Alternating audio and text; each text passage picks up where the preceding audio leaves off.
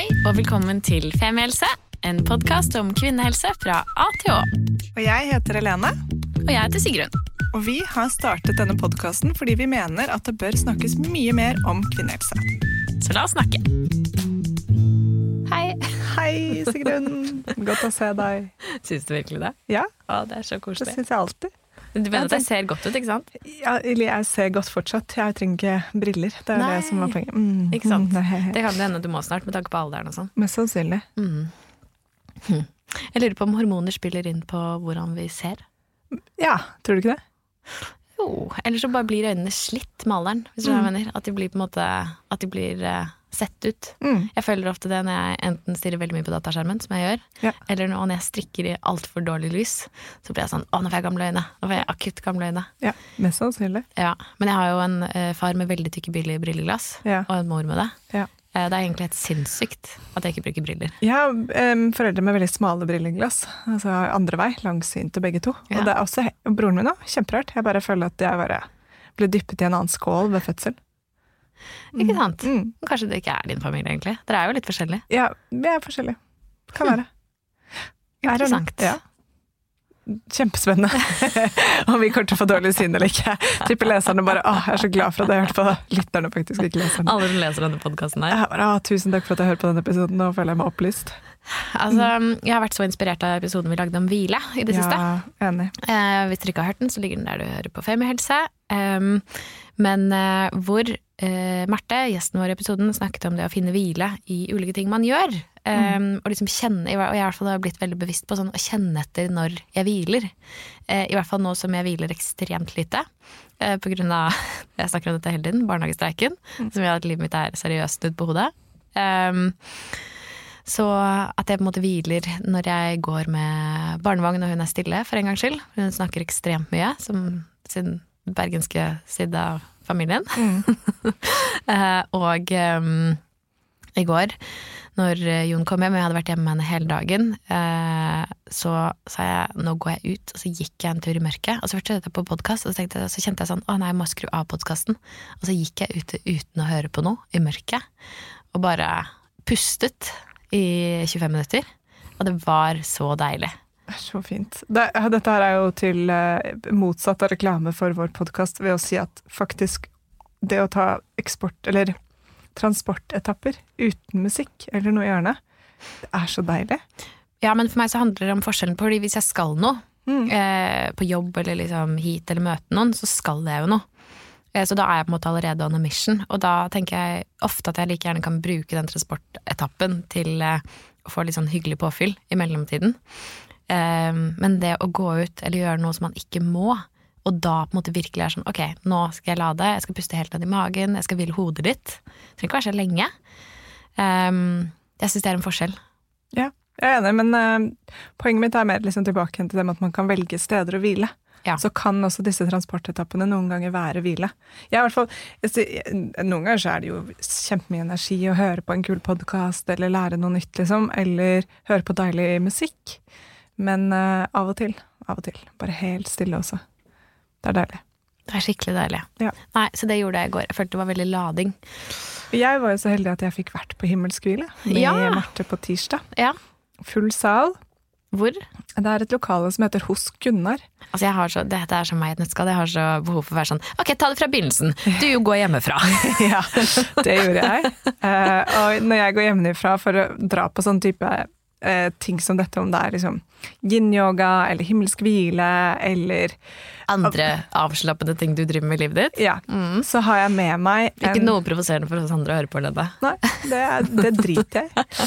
Dere burde hvilt mer, dere også. Nei, men da har jeg med meg en stor, tykk, deilig madrass med sånn indisk mønster på, eh, som du har anbefalt meg å kjøpe. Ja, den er fin. Ja, den elsker jeg. Um, jeg skal legge ut bilde av den og link til hvor man kan kjøpe det, fordi den har jeg med meg overalt. Og så har jeg med meg ullteppe og en liten pute.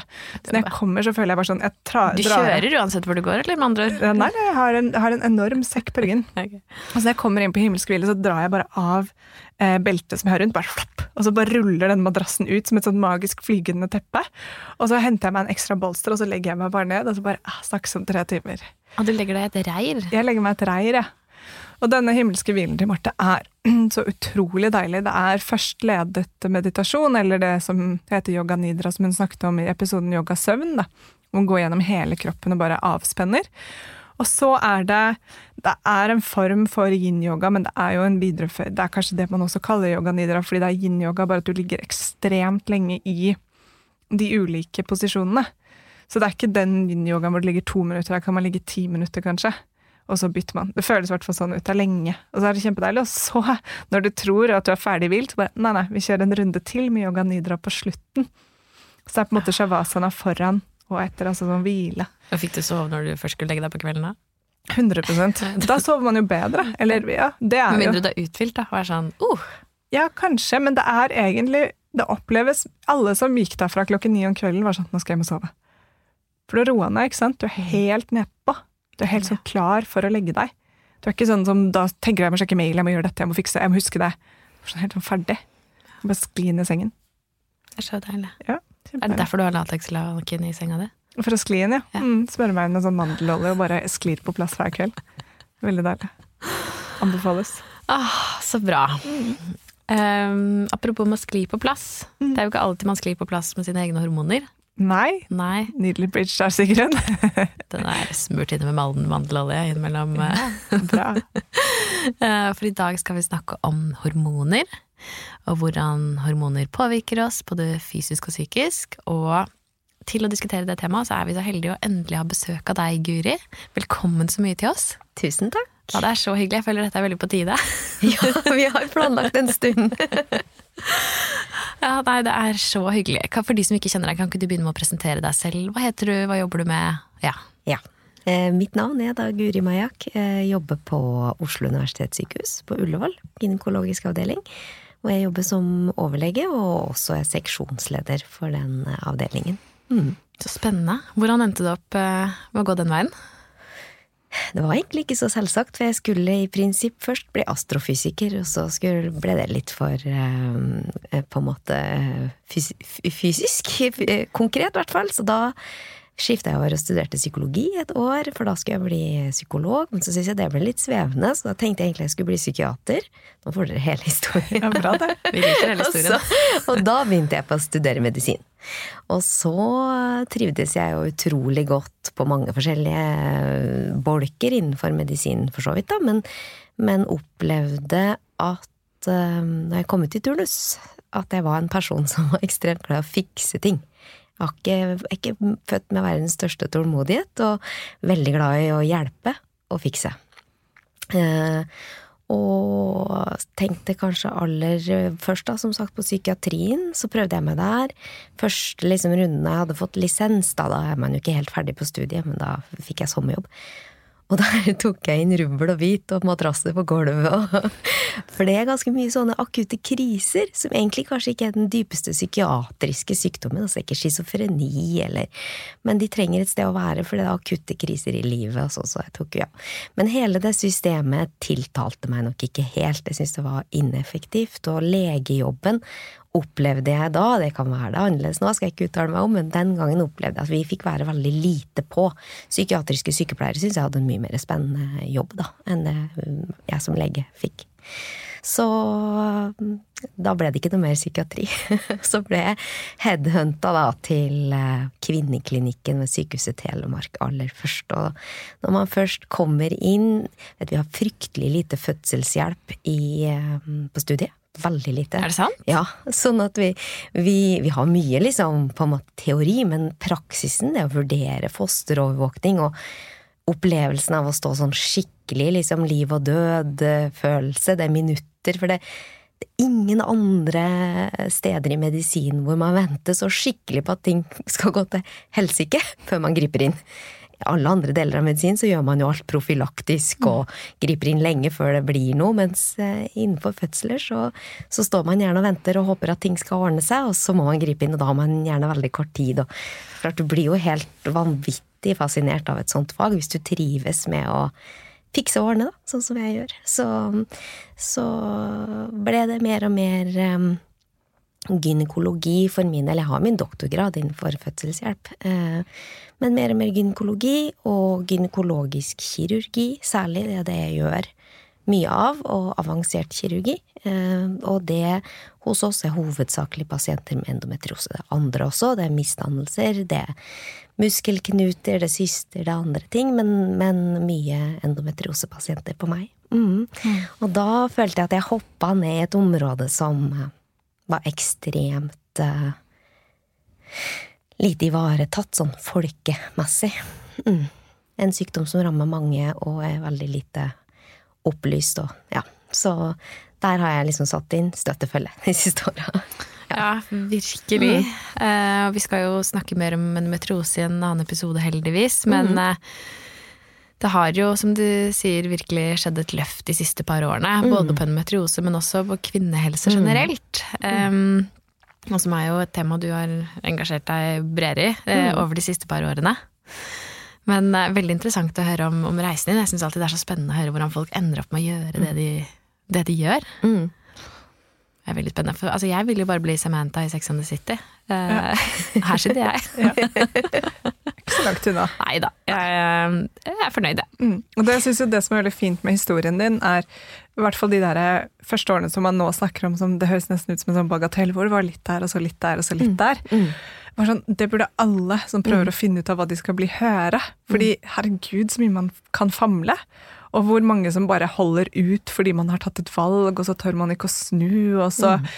Enten om det er når man er liksom 21 eller når man er 41, mm. men det er faktisk eh, å høre at ja, veldig mange begynner med å studere først litt det, og så litt det, og så litt det, og så fant man ut av det. Mm.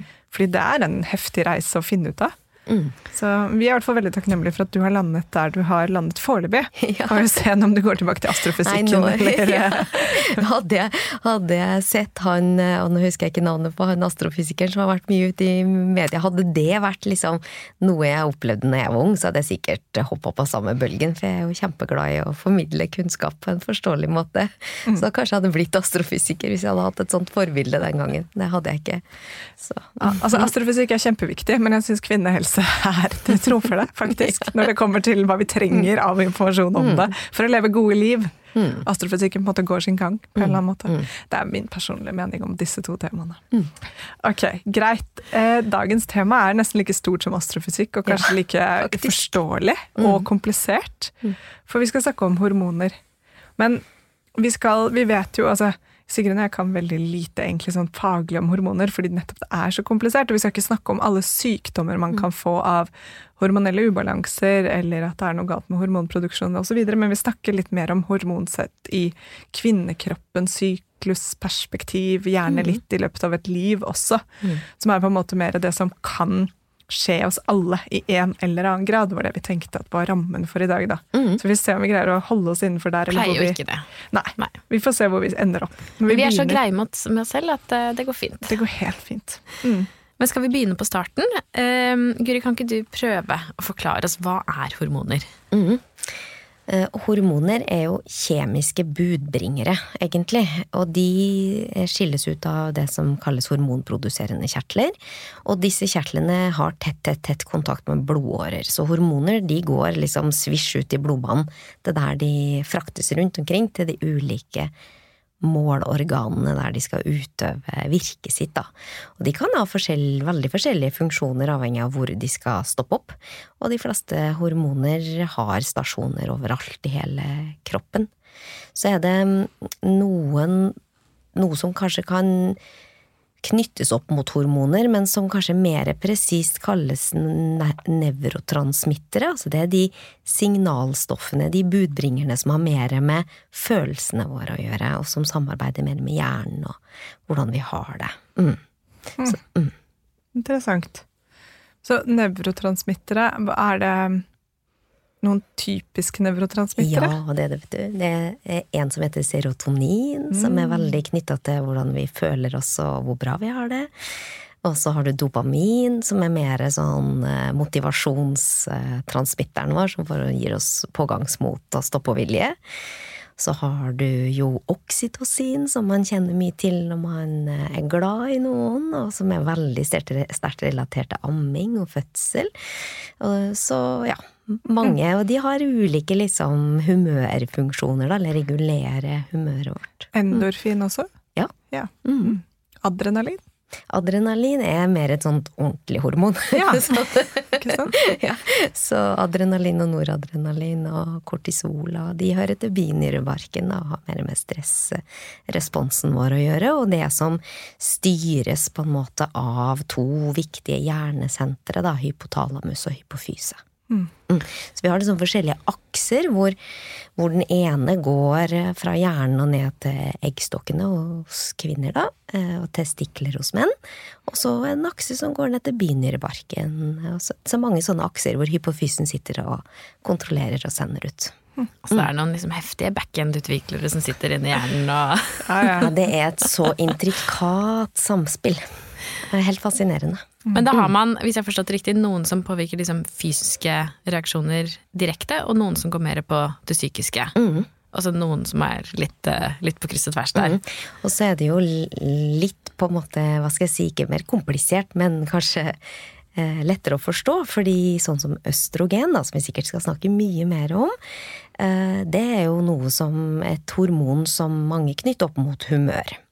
Og grunnen til at det er knytta opp mot humør, jo det er for at østrogenet bidrar til at eh, produksjonen av serotonin øker, og antallet reseptorer for eh, serotonin øker. Så østrogen er liksom ikke i seg sjøl, ikke i liksom selveste østrogenet som gir humørpåvirkningen, men via. Det stimulerer og ordner med disse nevrotransmitterne, da. Med dopaminet og mm. Ja, Det er så spennende. Jeg skulle ønske mm. vi hadde en kjempestor plansje vi kunne tegne på. Mm. Så vi får prøve å ikke snakke for fort, sånn at dere kan tegne inn i hodet deres ja. mens vi mm. snakker. Mm. Men nå snakket du litt om kjønnshormonene. Skal vi mm. begynne med å liksom legge grunnlaget for hva de er, og hvilke kvinne, kvinnelige kjønnshormoner som finnes? Ja, vi snakker jo eh, sånn på en måte gjennom eh, hele livet hovedsakelig om to hoved, hovedhormoner. Østrogen og progesteron. Eh, og østrogenet må sies at det har en stor betydning hos menn også, bare sånn at vi er klar over det. Og testosteronet har også en betydning for kvinner, selv om det er på en måte motsatsen hos menn da, når det gjelder kjønnshormon. Så er prolaktin et eh, kvinnelig kjønnshormon som er viktig for oss også. Mm. Så østrogen, progesteron, testosteron og prolaktin. Ikke sant. Mm. Og det er også disse hormonene da som sørger for at vi har en syklus, ja. som igjen gjør at vi kan få barn. Hovedsakelig de to første, da. Østrogen og progesteron er liksom det som driver syklusen vår. Mm. Ikke sant. Mm. Ok. Um, jeg føler på en måte at vi også burde nå begynne med en liksom kort gjennomgang av syklusen, eh, før vi går over til eh, å snakke mer om eh, hvordan det påvirker hvordan vi har det.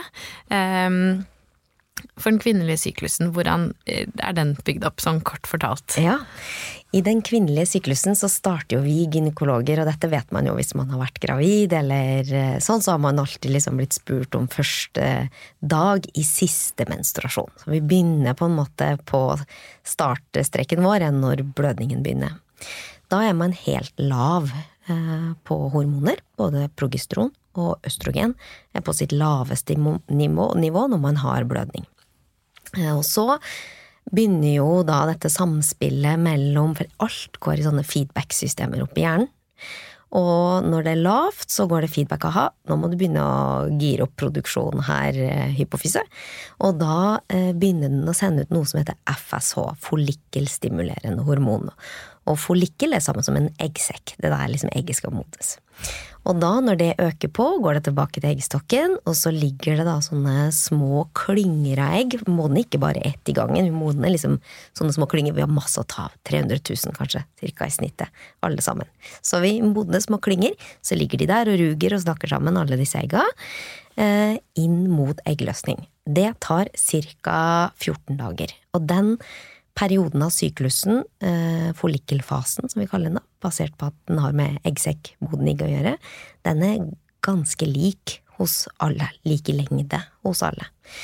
Um, og så da, når denne modningsprosessen har fått gått sin gang, så skjønner da hypofysen dette, og så kommer det et sånt lynsignal av noe som heter lutiniserende hormon.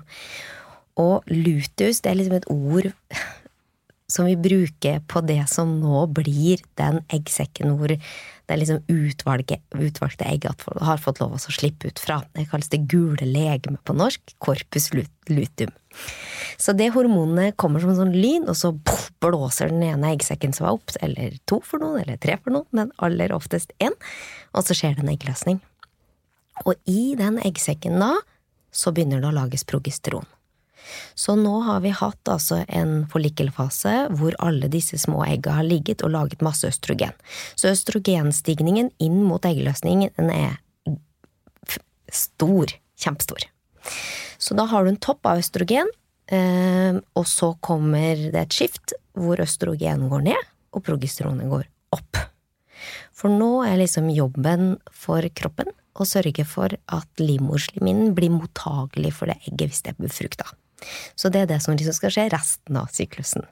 Og da er det mye mer en sånn dans mellom østrogen og progesteron, hvor de varierer bitte lite grann i nivå inn mot eh, det tidspunktet i Nå er vi lutealfasen, da, hvor eh, eggsekken ikke lenger klarer mer. Den vil bli overtatt av graviditetshormonet HCG hvis man blir gravid. Så da bytter de bare på en måte funksjon, funker på de samme reseptorene, og så kommer det ingen blødning. Men når, når ikke eggsekken klarer å lage mer progesteron, så faller det også brått. Da skjer det en masse inn i livmoren, og så får vi mensen. Så det er en bitte liten liksom prolaktin.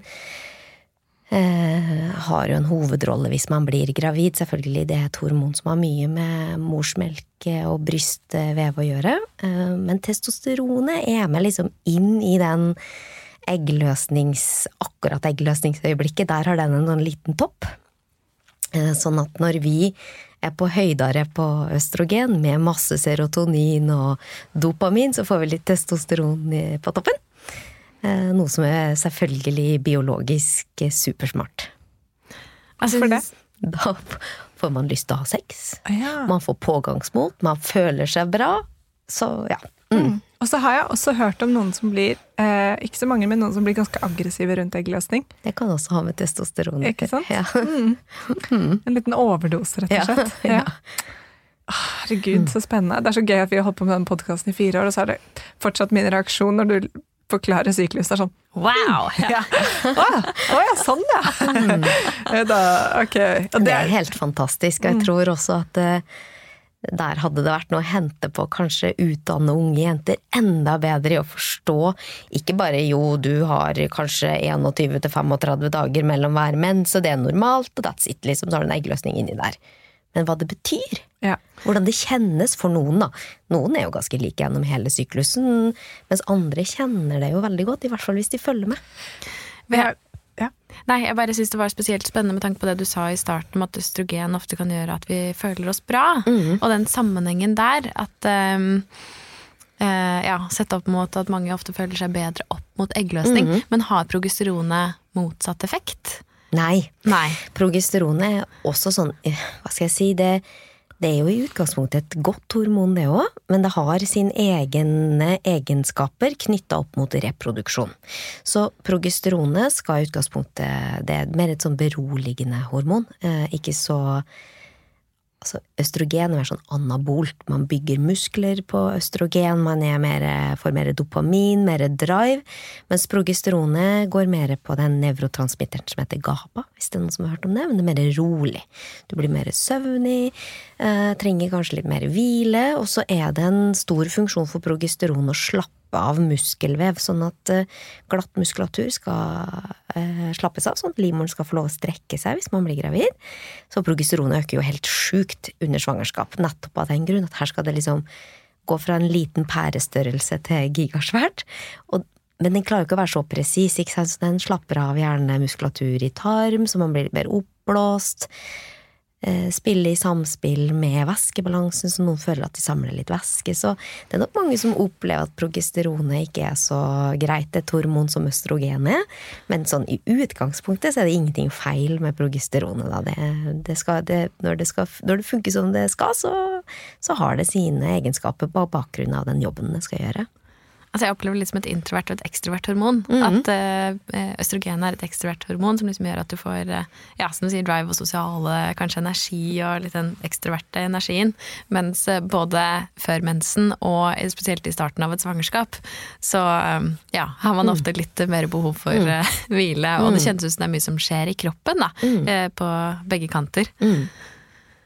Ja, og det er eh, mange, meg selv inkludert, som, har som sliter med PMS. da. Mm. Eh, jeg har i hvert fall En av nøklene for meg, ref. hvilepraten vår, som nå går over i alle episoder, er å hvile mer. Mm. Det hjelper faktisk. Det har tatt meg flere år å innse at jeg kan prøve så mye kosttilskudd og hjelp og fikse åren, men hvis jeg faktisk greier å slappe av den uken jeg har PMS, så blir symptomene mildere. Mm. Og det er jo en Det er lettere sagt enn gjort, ikke sant? Jeg tror kanskje for mange som opplever det sånn som du, da, så tror jeg jo at eh, kanskje kroppen prøver veldig å si fra, og så hvis man skal kjøre sitt eh, vanlige liv med sitt vanlige tempo, så vil man oppleve at det butter. Og da får man gjerne Kan det gå litt på selvfølelse, og så begynner man å Vi har jo 18 og 40 tanker i hodet hvert eneste minutt som går, og mange av de er ikke så, er ikke så snille med oss sjøl alltid. Og hvis man føler at man skal, dette skal jeg gjennomføre, dette er klart før, og så får man ikke helt til, i hvert fall ikke med godfølelse. Det handler liksom om man er på lag med kroppen eller ikke, og, og hvis man ikke er på lag, så blir det ingen godfølelse av å få til ting. Da gjør man det på tross av, og det, det tror jeg ikke er så lurt, da. Nei, ikke sant? Det verste som kan skje, er under eggløsningen å planlegge en sånn tu jentetur til Praha to uker etterpå. og så bare når, den, når helgen kommer, så bare kødder du. Skal jeg være på i storbyferie nå? Det Mm. er det verste, ikke sant? Så det var den lutealfaseversjonen av deg må følge opp forlikelfaseversjonen av deg. De er ikke alltid helt på samme lag. Det er jo ikke det i det hele tatt, ikke sant? Men eh, bare, jeg hadde et innspill i sted med det å eh, lære opp unge jenter mer, eller lære opp, det høres jo veldig sånn strengt ut, men uh, gi mer god informasjon, så var jeg på et kurs uh, hvor en av lærerne snakket om å lage sånn mensenarmbånd. Mhm. Og det er at når jenter i puberteten begynner å få en viss syklus Ikke kanskje liksom Det jo, kan jo ta noen år, men når den begynner å komme på plass, så kan man um, lage armbånd hvor man velger farge ut ifra de ulike fasene, de ulike fire fasene. Og mensen er jo som regel rød for de aller fleste, ikke sant? Men så kanskje man har en liten perle der hvor eggløsning pleier å være. Og så lager, lager man dette armbåndet med de dagene man sånn cirka har i sin syklus. Kanskje man setter 30, da, bare for å Så er det ikke så farlig om den ikke er helt riktig. Men så har man en liten klips, kanskje et lite hjerte eller noe sånt, som du, bytter, som du skifter hver eneste dag. Og det tenkte jeg sånn, herregud, så smart og fint. For det første, hele familien ser hvor du er. Det blir veldig gjennomsiktig av det. Veldig gjennomsiktig. Og at du får et ekstremt intimt og nært forhold til din egen syklus fra ganske ung alder. Og det er ikke sikkert du trenger å ha det på deg som et sånt armbånd, men du kan henge det f.eks. på døra til soverommet ditt, eller på badet kan det ligge, eller og jeg bare, fordi Hun begynte å forklare det, hun læreren, så var jeg sånn Hæ, jeg skjønner ikke hva spiser. Bare, oh, wow! Tenk om vi hadde hatt det fra vi var små, liksom. Eh, Eller fra da vi begynte å få mensen. Det, ja, så det var bare en idé. Det var en veldig god idé. ja, bare putte den ut der, fordi det er noe annet enn disse appene som kan føles liksom litt sånn De er veldig fine. Veldig glad i å trekke eh, syklusen på apper, og det ligger på høydepunktet på Story, hvor jeg anbefaler og ikke anbefaler noen apper, så folk kan sjekke ut det. Men dette armbåndet tenkte jeg bare jeg ville dele, hvis noen plutselig fikk sånn Hvorfor ikke ha workshop med jente, jentegjengen, liksom, til datter eller uh, venninne eller whatever? Bare lage seg disse armbåndene. Mm. Mm. Så det er en tanke. Ja, det er skikkelig Jeg støtter 110 um, Ikke derfor jeg går videre. Jeg er bare så nysgjerrig på um, Vi påvirkes jo åpenbart uh, ulikt av disse uh, hormonelle fasene. Uh, Helene og jeg er jo veldig forskjellige på det, hvor Helene påvirkes i større grad enn meg. Går det an å si noe om hvorfor vi påvirkes så forskjellig? Jeg tror kanskje den letteste måten å forklare det på, er jo når vi kikker på hvordan vi ser ut på utsida. Vi er veldig forskjellige. Vi er like forskjellige på innsida òg. Og det har jo litt med genetikk å gjøre, og så har det litt med hele samspillet i kroppen. Hvilken balanse har du? Eh, Det skal vi sikkert snakke litt mer om, Eh, men vi er sånn basically veldig forskjellige i fordelingen av reseptorer og hvordan de skrus av og på, da. Mm, på, som respons på hormoner.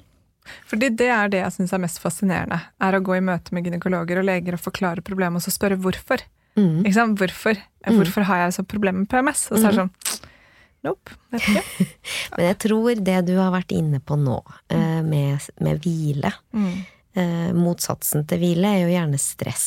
Og stress går i den hormonaksen som går til binyrbarken, hvor man lager kortisol.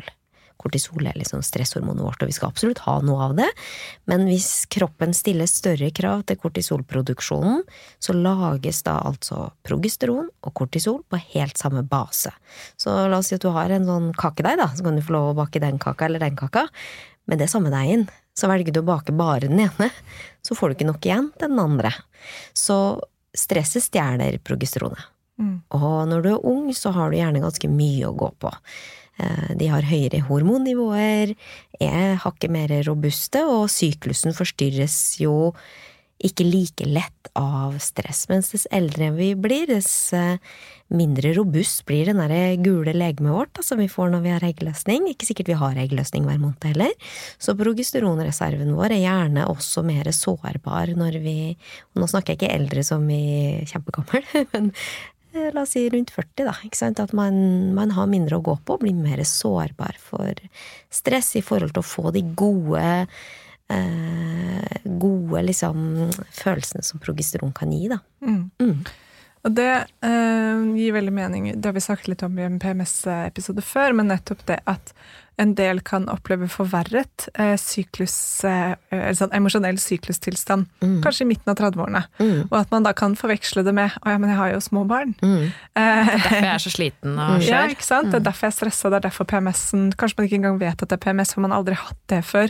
Og så plutselig begynner man å trekke syklusen, så bare 'oi, shit, jeg er ikke bipolar som jeg trodde en liten periode er', jeg har faktisk PMS. Mm. At det kan treffe eh, på et gitt tidspunkt hvor mange av oss føler et utvendig press, og begynner kroppen også å respondere hardere på det, som jo er ganske urettferdig, men ganske fint å vite, da, at Mm. det henger sammen. Mm. Um, det er jo, ja, så vi har jo disse fasene i livet hvor syk, altså hormonene våre endrer seg veldig av puberteten. Og så er det jo liksom når vi, hvis man blir gravid og går igjennom det. Mm. Og så kommer vi jo da til overgangsalderen på et Mm. gitt tidspunkt. Og Mm. da er det jo også en, en endring ofte i mange sitt liv at de har barn i tenårsalder, eller kanskje barna til og med har begynt å flytte ut. Mm. Så det er noen sånne treffpunkter her som er ganske interessante med hvordan mye for mange endrer seg utvendig og innvendig. Mm.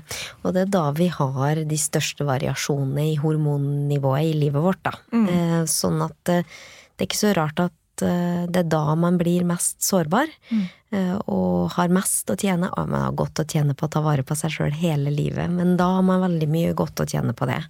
Å prøve å være i balanse. Stress kommer i så mange varianter. Det har både med søvn og næring og relasjoner og alt som er liksom rundt oss, gir jo kanskje den samme fysiologiske responsen inni kroppen. Så det å være på lag med lavt kortisol og godt med progesteron og fint med østrogen er viktig. Mm. Mm. Jeg føler jo ja, jeg skal, Nå gikk jeg en runde oppi hodet mitt på sånn Skal jeg si dette eller skal jeg ikke? Men jeg velger å si det. Det er Jeg føler denne filmen, eller boken i utgangspunktet Eat, Pray, Love, Ja. eh, appellerte så veldig til så mange over hele verden, nettopp fordi den tok tak i det du snakker om der. ikke sant? At man tar til seg næring på den måten man føler for. Mm. Man tar tid til seg selv gjennom hvile, eller i dette tilfellet pray, og love. At man, de relasjonene som funker for deg, er de du beholder. Det er Mm. de du knytter til, tittere til deg. Og så er det sånn, så jeg tror den boken og filmen senere med Julia Roberts var bare sånn der helt sånn eh, For mange traff veldig, for det er sånn Ja, selvfølgelig, ikke sant? Så, ja. Mm. Jeg tror vi, når du nevnte i sted det derre, men hvorfor, så tror jeg vi får jo fryktelig økende kunnskap nå om hva mikrobiomet betyr for oss, og hvilken næring vi putter i oss, hva har det igjen å si, også for hormonene våre. Hva er mikrobiomet igjen? Ja, mikrobiomet, det- det er den tarmfloraen vi har i, i Bakteriefloraen vi har i tarmen vår. Mm. Og, og der Altså, det, det er så ny, men så ekstremt fascinerende og viktig kunnskap. Og når det gjelder eh, østrogen, for eksempel, så har man nå funnet at en, en, noen bakteriestammer de vil i seg sjøl kunne hente tilbake østrogen som har gått hele runden i kroppen og skal ut gjennom avføringen. De henter det tilbake og aktiverer det på nytt og sender det ut i kroppen. Så Hvis ikke balansen er der, ja, da kanskje får du for lite, eller du får for mye. Så det, alt henger på en måte sammen. Og det med pray, som du sier, det å øh, stimulere oksytocinet sitt når man kan, alt det der. Det henger sammen. Mm. Og så betyr ikke det at uh, eat og pray og love er løsningen for alles problem, for det er det jo dessverre ikke, da. Men, men, man kan komme langt med å erkjenne at man er et syklisk vesen, og eie det mye mer enn jeg opplever at uh, det kanskje tillates at kvinner gjør i dag. Da. Jeg tror vi er liksom mer sånn designa for å kjøre på alle dager i måneden, alle timer i det. Det er liksom ikke lagt opp til at vi er et helt annet vesen enn menn, da. Mm. Nei, i hvert fall den Fordi Helene, du har jo jobbet mye for å på en måte fikse det. Ja. Eh, ikke sant? Du har jo Herregud, Store deler ja. av Femihelse har jo tatt for seg Jeg prøver å fikse PMS-en min. ja, ditt arbeid med syklus. Um, og vi begynner jo ofte med å sjekke inn hvor du er. Hvor er du forresten? Ja, ikke sant. Eh, Tolv dager før mensen, så jeg er på vei inn. in Du er på vei inn. Winter is coming. Ikke sant?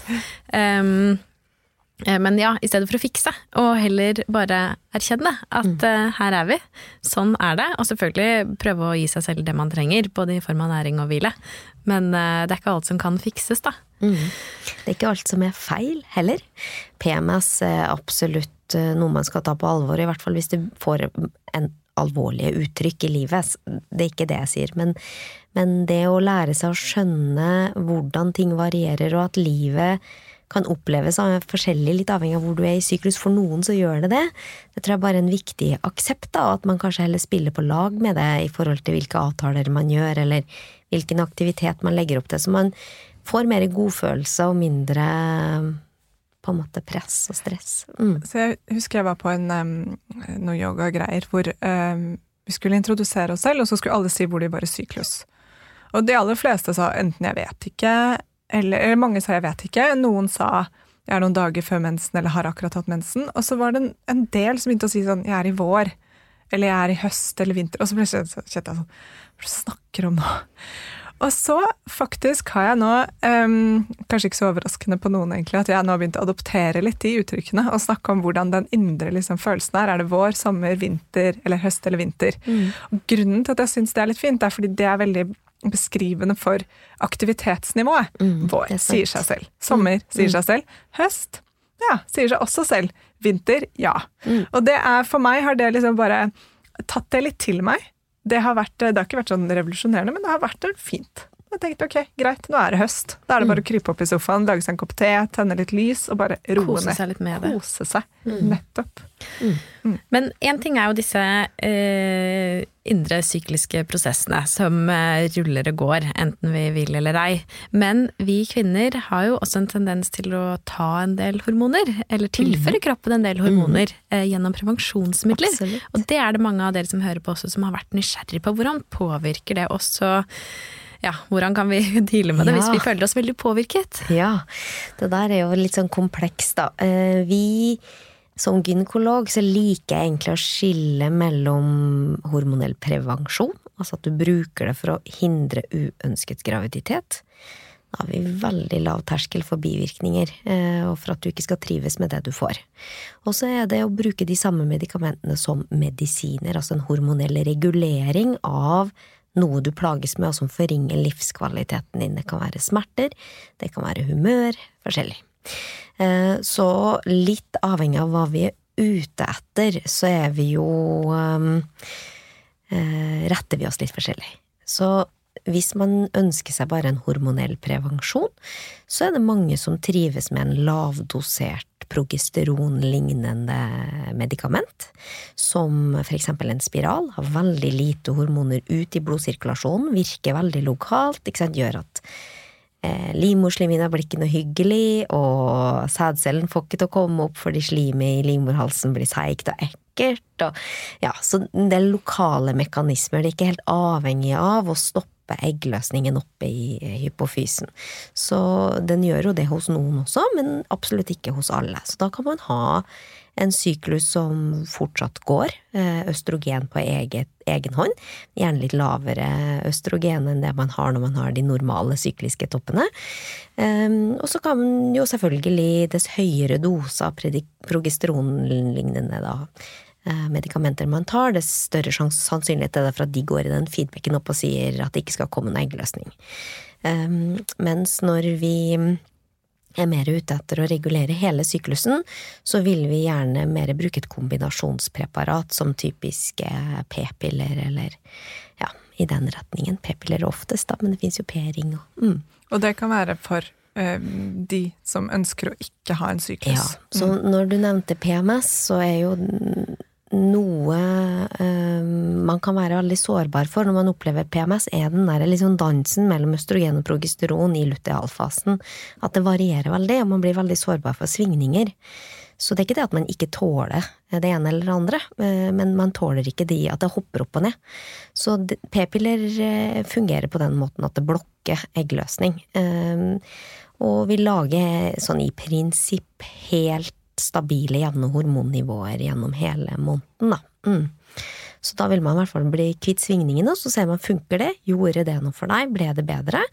Um, ja, så, og når det samme gjelder jo smerter relatert til mens, eller smerter relatert til endometriose, adenomyose, så er vi også ute etter å hindre blod eh, inn i magen, for det vet vi er med på å trigge en del veldig uheldige prosesser relatert til endometriosen. Og ikke få de der svære østrogentoppene som vi også vet trigger endometriose og adenomyose. Så ja, så mm. vi, vi, vi, vi må bruke eh, hormonelle medikamenter for det det er verdt når vi kan. Eh, og som prevensjon så skal man være i en litt annen tankesett. Mm. Men kan det da for mange oppleves Det høres sånn ut for meg, da. Enten om du nedjusterer eller slår av syklusen. Det må jo bli litt sånn flatt? Altså sånn Nei, det, det, trenger det ikke å bli. Det trenger ikke det? Nei. Ehm, det, det som jeg har et inntrykk av, er at det kanskje har vært litt for lite fokus på å følge opp. Altså, vi har jo et helt arsenal av ulike hormonelle prevensjonsmidler, da, medikamenter. og og kan fint bytte hvis ting ikke funker. Det, den østrogenbiten er stort sett ganske lik, bare i litt ulik dose. Men det er samme type i veldig mange. Mens progesteronlignende biten, det vi kaller et gestagen, da, egentlig, det er veldig forskjellig og har ulike egenskaper, og noe er laga ut ifra testosteronbase, noe er laga ut ifra mer en progesteronbase. Så mm, der kan vi på en måte spille mer på hva som funker. Så det er veldig viktig å kjenne etter eh, og måle litt når man har starta på sånt, eh, en sånn behandling, da, hvis det er en behandling det skal være. Funker det? Hva skjer med kroppen min nå? Og så er det jo mye naturlig variasjon i livet og sånn, så man må gjerne følge med noen måneder, da, eh, til ting har liksom satt seg litt, og så gjøre opp en vurdering hvordan man føler seg. Men det å ha en flat hormonell syklus er ikke det samme som å være flat psykisk. Eh, det er et helt annet, et mye mer komplisert samspill enn bare det. Og hormonnivåene på en p-pille, eksempel, er jo høye. Det er ikke sånn at du går og er lavhormonell. Du er ganske høyt hormonelt. Mm. Mm. Har man også sett noe på hvordan det påvirker mikrobene våre? Å gå ja. på, på, hormonprevensjon? Mm. Ja, eller, ja. Mm. Så det, der tror jeg vi vil sikkert også få mer og mer forskning. Men det er litt sånn med hormoner at det er jo som sagt i samspill med så mye. Mm. At det å si at det er én ting som er feil, og én ting som er bra, går ikke. Det er helt, alt spiller sammen, og stort sett så er vi så robuste at vi tåler mye, um, uten å oppleve oss annerledes. Uh, og så er det noen som opplever at ting krasjer helt, og ikke tåler noen form for hormonell innblanding. Og det er også sånn noen er laga. Så det er bare viktig å på en måte uh, følge med. Trekke det. Funker det, eller funker det ikke? Og ikke liksom akseptere at man blir satt på noe, så bare går man på det i årevis hvis ikke det funker. Da. Mm. Mm. Nei, for Det var litt sånn uh, oppfølgingsspørsmålet mitt. For nå har vi jo snakket litt om naturlig syklus og en påvirket hormonell syklus. Mm. Um, og hvordan det kan påvirke oss. Men hvor går på en måte grensen for hva man skal akseptere når det kommer til hormonelle svingninger og hvordan det påvirker livet vårt? Eller har du noen tanker om på en måte når vi ikke skal si da, at det er bare sånn det er å være kvinne. Jeg får på en måte ha veldig highs and lows, eller være plaget på ulike mm. måter, da. Eh, og når bør jeg be om hjelp? Oh, veldig godt spørsmål. Jeg tror kanskje at man innerst inne kjenner det litt sjøl. Eh, på hvordan det påvirker livet, og hva det gir av forringa livskvalitet og restriksjoner når man ikke har det bra. Um, og så Det har i hvert fall vært noen undersøkelser hvor det har vært et sånt mer sånn generelt spørsmål har du følt at det har vært noe galt med syklusen din, og de som har kryssa ja der, har gjerne kryssa ja på en del andre ting også som peker i retning av mer sykdom, da, eller ting som påvirker livskvaliteten veldig. Mm. Så jeg tror vi egentlig har en magefølelse hvis vi bare lytter, og så får man jo gjerne ofte også noen signaler fra de som er nærme en, i familie eller er tett på. Eh, så, men, men, det går rett og slett på en vurdering av livskvalitet. Eh, og så har jeg som sagt veldig troa på at man må ikke sette lista eh, steinhøyt hele måneden og tenke at det er liksom der man skal være. Det er lov at det svinger litt. Men hvis du da, som du sier, justerer livet bitte lite grann, og så funker det, så hjelper det, så, så tenker jeg at da er man på riktig spor. Uh, og hvis det ikke gjør det, eller hvis det er sånn at du havner i at du nærmest gjør det slutt med kjæresten hver måned, eller krangler med hele verden, eller skal slutte på jobben, eller opplever at du ikke kan være den forelderen du har lyst til å være, gjentatt, gjentatt, gjentatt, og det, så er det jo alvorlig. Så det, det, er en sånn gradering som er litt sånn vanskelig å, å si at det ene er riktig og det andre er galt, men jeg tror som sagt man egentlig kjenner det. Mm. Mm. Jeg synes det med magefølelsen var fint. Mm. og også det å, å, stå opp for seg selv. Eller jeg tror kanskje mange vil oppleve at, å få nettopp den responsen at ja, men det er bare sånn det er å være kvinne. Mm. Men hvis magefølelsen, det snakker vi jo gjennomgående om, men når det kommer til egen kropp og helse, sier at her er det noe jeg, jeg, lever ikke mitt beste liv. Um, mm. Og jeg tror det er mulig å gjøre noe med det. Så håper jeg jo at dere der ute som kjenner dere igjen jeg liksom står på står i det, da. Ja, og jeg tror det kan være lurt, da, hvis man har en slags oversikt Eh, fordi det, det, jeg opplever ofte med PMS, er jo at det er jo definert også sånn at det er bare en liten del av sykluset at det er et problem. Så når man da får mensen og symptomene slipper, så har man jo lyst til å bare glemme hele greia, for da fungerer man jo. Og så glemmer man, og så når man sitter da hos fastlegen, så er man kanskje midtsyklisk, og så har man egentlig bra. Så. så. det er liksom noe med å ha, ha på en måte korta riktig, da. Ikke sant? Dette har skjedd hver måned siden jeg begynte å registrere det på disse og disse tidspunktene, og det er, selv om jeg sitter her i dag og har det ok, så er det langt unna ok. Så her har jeg lyst til å prøve ut et eller annet for å prøve å få det bedre. Jeg har prøvd dette og dette, men nå det er jo noen ganger så er det eh, livsstilsgrep som skal til. Eh, andre ganger så er det mer som må til. Mm. Ja, og det er også litt vanskelig uh, å vite hvor man skal gå. Mm. Det er ikke bare bare. For det er ikke alle uh, gynekologer som f.eks. kan veldig mye om det. Eller som, de kan masse om det, men det, ikke, det fins ikke fløst sånn Prøv et av disse hundre medikamentene. Nei. Og det som vi sliter med på alle områder når vi skal bruke hormonelle medikamenter for å justere, er at doseringen er jo laga som prevensjon. Ja. Det er det den er aima for. Så, så, så, man har ikke vært inne og sett på dosering relatert til de sykdommene vi behandler. Og det er en utfordring, og det er selvfølgelig at vi er veldig individuelle genetisk og reagerer forskjellig også. Men, ja. men det, og man kunne tatt en halv p-pille, for eksempel. Ja. ja. Jeg syns jo det er så fascinerende med tanke på hvor mange mannlige forskere det fins, at ikke noen annen tenker sånn tenk så digg livet mitt hadde vært hvis jeg forsket skikkelig mye på PMS! Ja, ja. altså helt seriøst, hvis, hvis PMS-gåten ble løst. Mm. Wow! Nobels mm. fredspris til den personen, mm. faktisk. Så det er sånn Nei, det er en um, Det forundrer meg at ikke det liksom bare hardforskes på over hele verden. Mm. Hva er det Og Kanskje man kommer fram til sånn Oi, shit, det vi kom fram til, var at disse arbeidsukene våre er litt Det funker ikke. Mm. Vi må legge om hele den kapitalistiske strukturen og bare mm. Kvinner burde faktisk bare jobbe tre dager i uken. Ja, når man har Men kvinner, eh, det må det jo dukke opp tall på bordet på hvordan har kvinner det i arbeidslivet relatert til svangerskap og fødsel. Hvordan har de det relatert til den lange eh, transisjonen som skjer inn mot overgangsalder, og, og frafall av, eh, av, hormoner. Så for der tror jeg det er mye arbeidslivet hadde hatt å hente på å tilrettelegge i mm. de periodene som tross alt er ganske korte sett et langt arbeidsliv under ett. Men jeg tror mange faller fra eh, og endrer eh, karrierevalg, eller ikke får utnytta kanskje det potensialet som også arbeidsgivere hadde hatt kjempegodt av, hvis man bare hadde hatt det mer naturlig tilrettelagt for livet, da. Mm. Fordi det som er med syklus, er at jeg føler de aller fleste greier å power through på å gjøre det man absolutt må, og så går det kanskje utover hele private ja, relasjoner Mm. eller seg selv, ikke sant. Så man kommer seg på jobb og forholdt til foredrag og ledet den workshopen og gjort det man skal, men etterpå så er det liksom tomt, ikke sant. Så det er, ja, det er, det er dessverre sånn mm. Ah, ja, kunne prate om dette i eh, tre uker.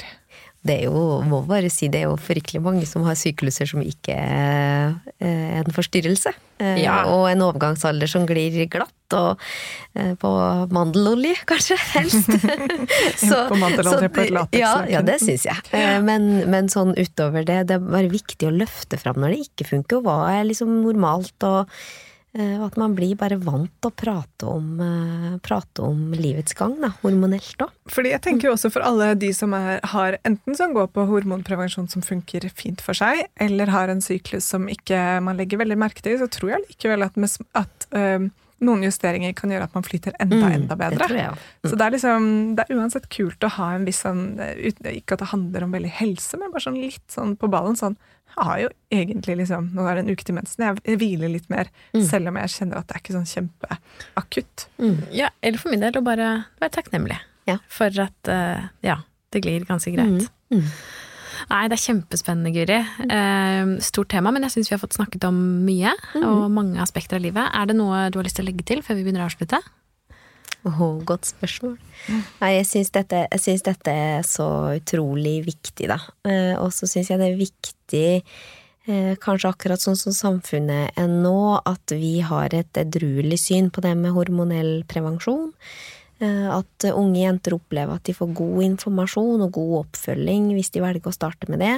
Og at man ikke skal være redd for, redd for at det skal ligge en masse liksom skjulte personlighetsendringer og psykiske bivirkninger bak, for det gjør det ikke for alle. Ehm, Men at man skal følges tett, og selvfølgelig slutte eller endre hvis det er noe som ikke funker, da.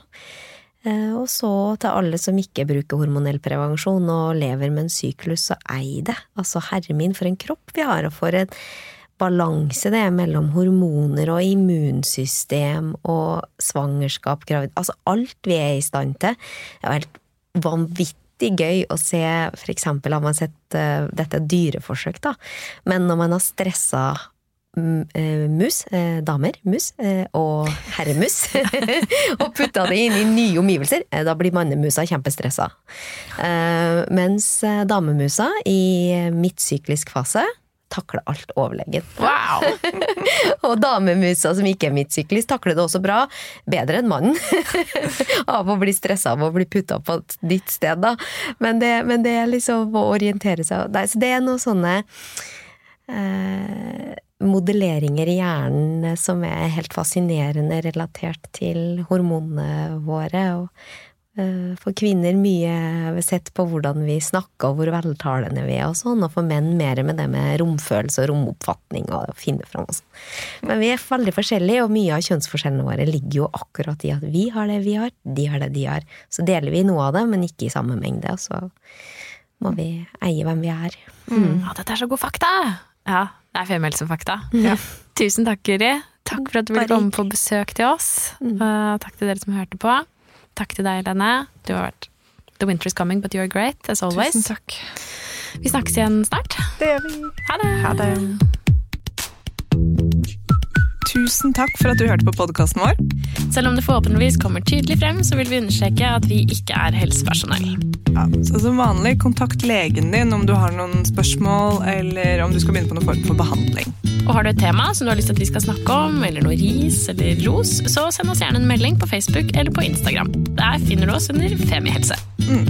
Og du kan gjerne rate oss på iTunes, det er skikkelig hyggelig for oss. Ha en fin dag! Ha en kjempefin dag!